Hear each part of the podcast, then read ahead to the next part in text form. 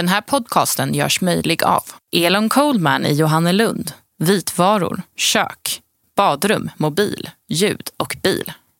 Fonus Öst, en riktig begravningsbyrå. I 25 år har Karina Glänning författat krönikor. Det är en salig blandning av förnumstigheter och klavertramp. I podden Glennings gliringar läser Karina en handfull av dessa per avsnitt. Mycket nöje! Hej kära läsare! Kul att du är här igen. Välkommen till avsnitt 16 av Glennings gliringar. Idag tänkte jag prata lite om trafikskyltar, om en märklig dröm och om en resa som höll på att gå åt skogen fullständigt. Nu ska herr Gårman bli fru Gårman. I sin iver att göra kvinnor mer synliggjorda i trafiken lanserar Transportstyrelsen nu skylten Fru Gårman, alltså med hänvisning till jämställdhet mellan könen. För att vi verkligen ska förstå att detta är Fru Gårman så har hon klänning på sig på skylten. Alltså, i min värld känns fru Gårman som en oerhört mossig figur som snarare förstärker könsroller och stereotyper än bekämpar dem, vilket ju brukar vara argumentet när dylika idiotiska jämställdhetsprojekt ska sjösättas. Nåväl, det har uppenbarligen bedömts som viktigt att det syns att fru Gårman verkligen är en kvinna, men hon fick inte vara för kvinnlig.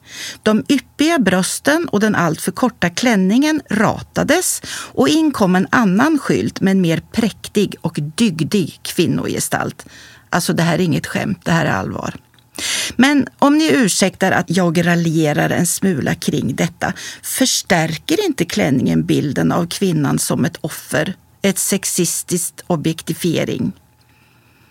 Vet vi med säkerhet att hon har trosor under klänningen? I annat fall signalerar ju trafikmärket typ “Kom och ta mig bara” Är det verkligen förenligt med trafiksäkerhet att ha skyltar som leder till sådana associationer och det på ett övergångsställe? Om zebralagen bidrog till att antalet skadade fotgängare på övergångsställena ökade så är det ju ingenting mot vad som kommer att ske med dessa rent obscena trafikmärken. Och här kommer jag att tänka på Jarlsbergs ostreklam Alltså, den var ju smaken sitter i hålen. Och då var det faktiskt en kvinna som KO-anmälde den här ostreklamen med hänvisning till att smaken sitter i hålen leder till mycket obehagliga associationer. Ja, herregud. Nej, jag tycker allt att fru Gårman bör ha sedesamma byxor på sig istället. Eller varför inte en skoteroverall för jössenamn. Dessutom inställer sig frågan, får jag gå över på vilket övergångsställe som helst eller bara de med fru Gårman-skylt? Kan även de som aldrig bär klänning gå där? Transvestiter, transsexuella och klänningshatare, var ska de gå? Och framförallt, borde inte de också synliggöras bättre i trafiken?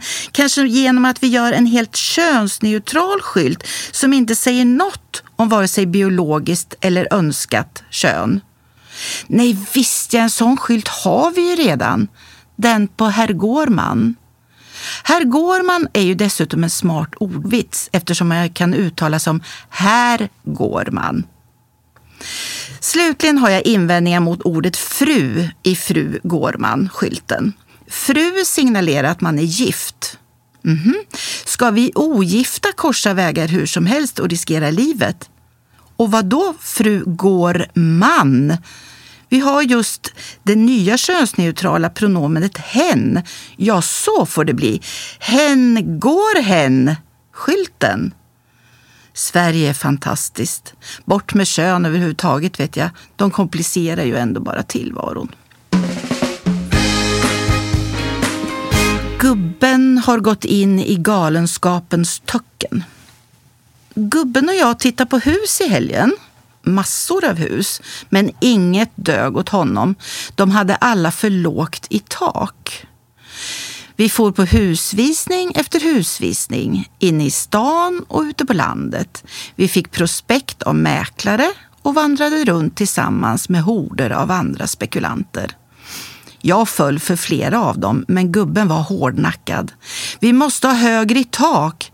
Vadå högre i tak, invände jag flera gånger. De har ju normal takhöjd allihopa. Nej, inte tillräckligt hög för min nya hobby. Din nya hobby? Den har du inte sagt något om. Berätta. Ska du börja med bungee jump inomhus? Nej, men modellhelikopterflygning. Va? Helikopter? Inomhus? Ja, du har ju tjatat om att åren mellan 50 och 75 heter lekkvarten.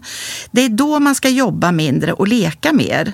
Men snälla älskling, nu tänkte jag kanske inte på ordet leka fullt så bokstavligt. Du kan faktiskt inte ta ifrån mig allting, Karina. Ta ifrån dig? Jag har väl inte tagit ifrån dig något. Vad är det med dig, kar? Jag höll tand för tunga. Tänkte att gubben får väl visst leva ut sina slumrande pilotdrömmar som han i tysthet tydligen gått och närt. Vår färd gick över Östgötaslätten och till slut hittade vi ett hus, eller snarare ett herresäte, med mycket högt i tak och mängder av rum. Oj, oj, oj, stönade jag. Det här godset blir inte lätt att fylla med möbler. Nej, det ska bara vara möbler i några rum, resten ska vara tomma, deklarerade gubben. Va? Tomma. Ja, jag ska ju köra helikopter i dem och då kan det naturligtvis inte vara en massa grejer i vägen, förstår du väl?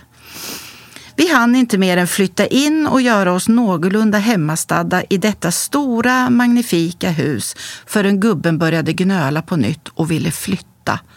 Men snälla du, vad är det nu frågan om? Har du någon slags kris? Det begriper väl själv att det blir inget äventyr att bara flyga i välkända rum som man redan lärt sig manövrera i. Det är inte spännande, ingen utmaning. Jag vill utvecklas som pilot och behöver fler rum. Medan jag tänkte att gubben nu gått och blivit galen på riktigt började en helikopter hovra ovanför oss. Det taktfasta mullrandet steg. Själv kunde jag knappt andas. Det var då jag vaknade. Jag låg med gubbens arm över halva ansiktet och kippade efter luft och han snarkade. Det var det som var den hovrande helikoptern. Arma min hjärna, kan du inte ta och vila dig på nätterna?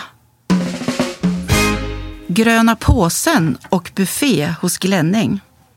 Det var fest hos mig i helgen. Partyt var så livat att jag inte ens vet hur många gästerna var.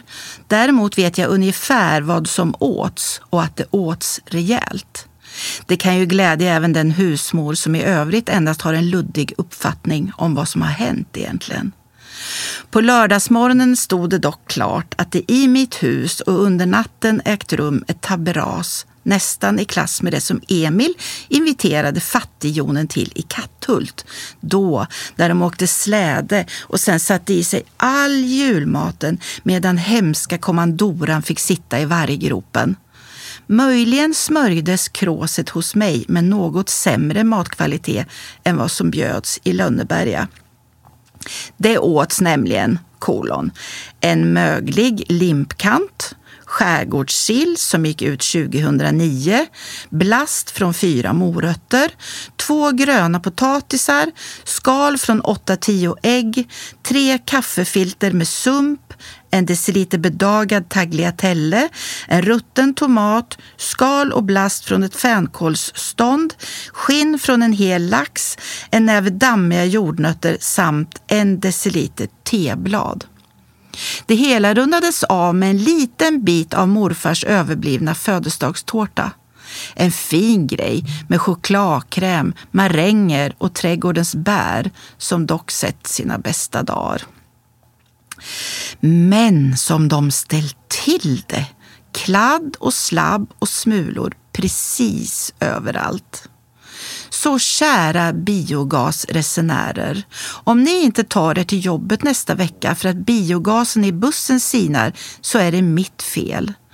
Jag la alla rester i gröna påsen precis som Tekniska verken har sagt. Jag placerade påsen i sin plastkorg och därefter under diskbänken precis som Tekniska verken har sagt. Och det var just det som under natten gick upp för traktens småfrusna gnagare. Via kåkens krypgrund och ett pyttelitet utrymme runt avloppsröret åt samt släpade de med sig hela härliga buffén i min gröna påse. Behållaren är av en nätvariant så de slapp klättra upp i den. Att döma av hur perforerad påsen var har alla gäster gjort sin egen ingång och försett sig med sina personliga matfavoriter.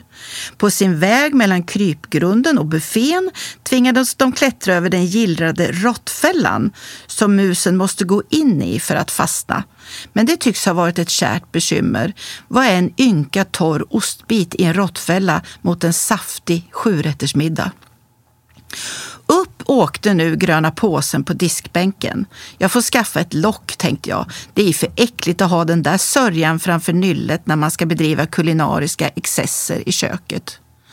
På söndagskvällen kom jag in i köket och ertappade gubben med fingrarna, inte i syltburken, men i gröna påsen. Vad gör du människa? Tugg, tugg, tugg. Njam, nom, nom. Jag äter chips. Ur gröna påsen? Är du galen? Det är ju de som jag sopade upp från golvet sen du lyckades spilla ut halva påsen när du öppnade den igår. Ja, ja, det smakar helt okej. Lite kaffesump på en del bara. Förlåt alla bussåkare. När jag har gröna påsen under diskbänken, då äter mössen upp det som skulle bli till biogas. När jag har gröna påsen på diskbänken, då äter min gubbe upp det erkänn att jag jobbar en smula i motvind.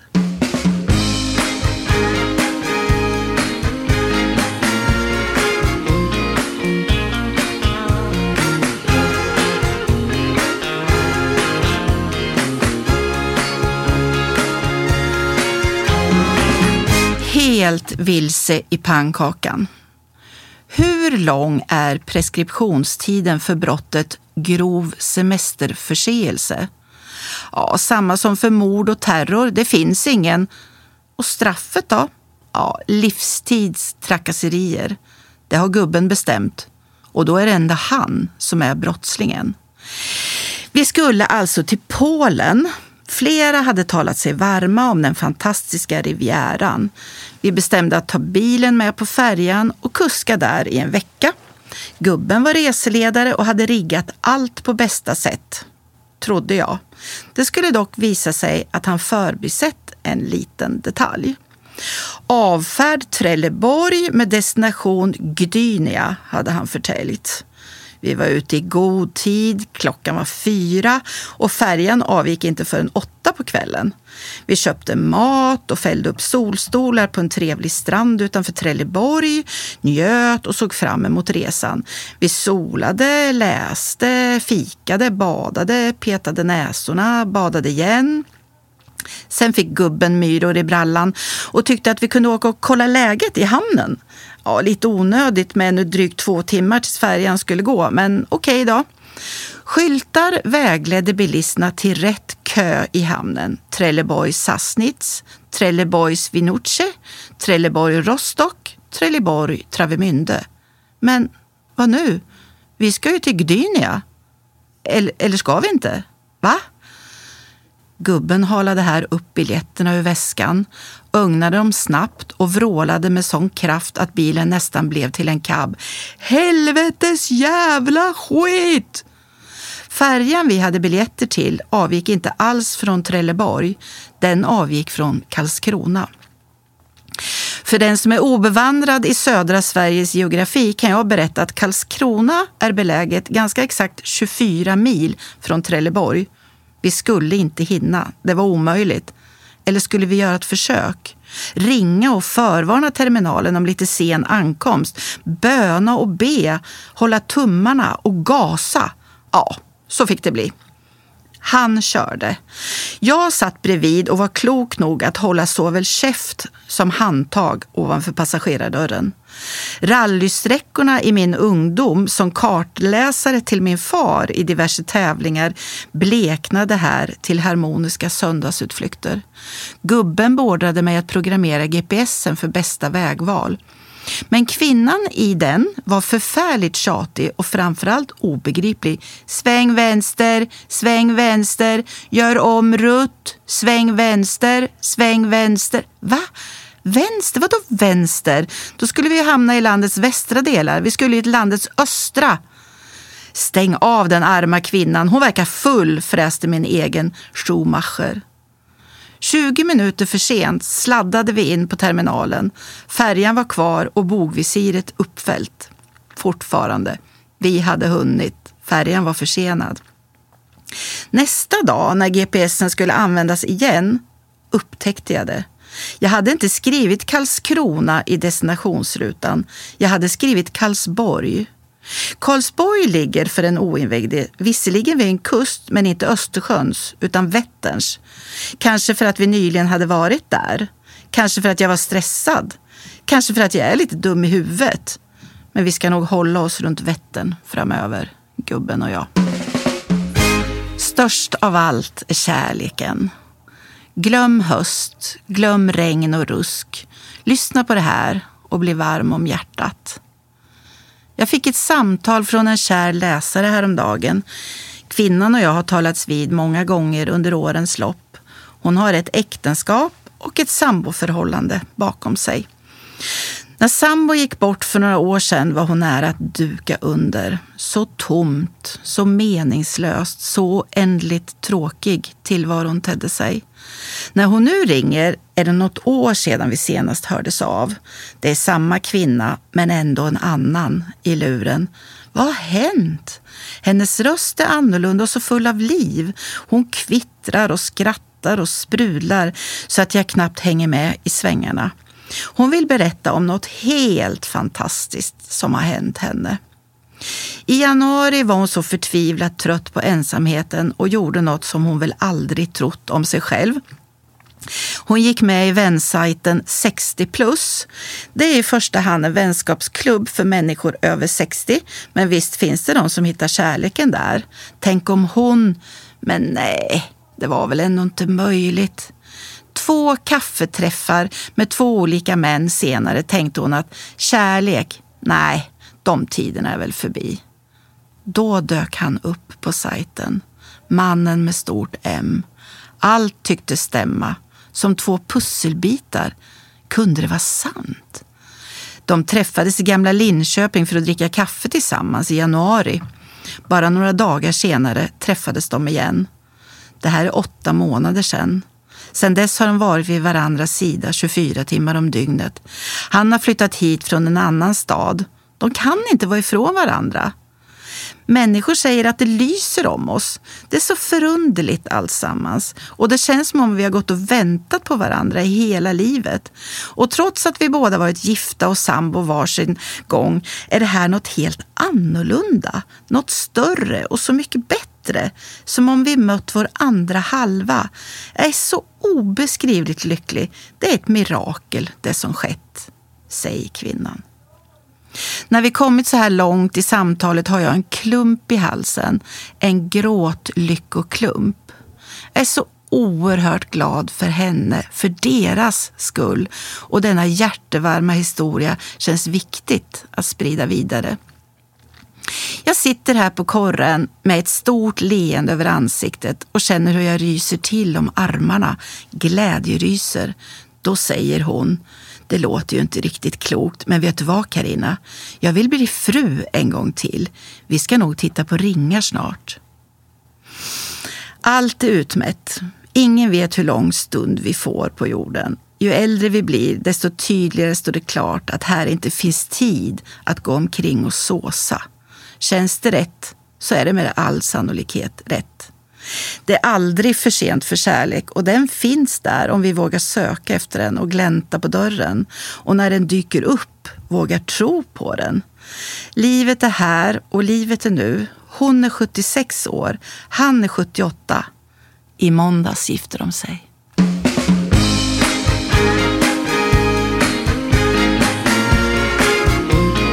Du har lyssnat på Glennings gliringar. Ansvarig utgivare, Christer Kustvik.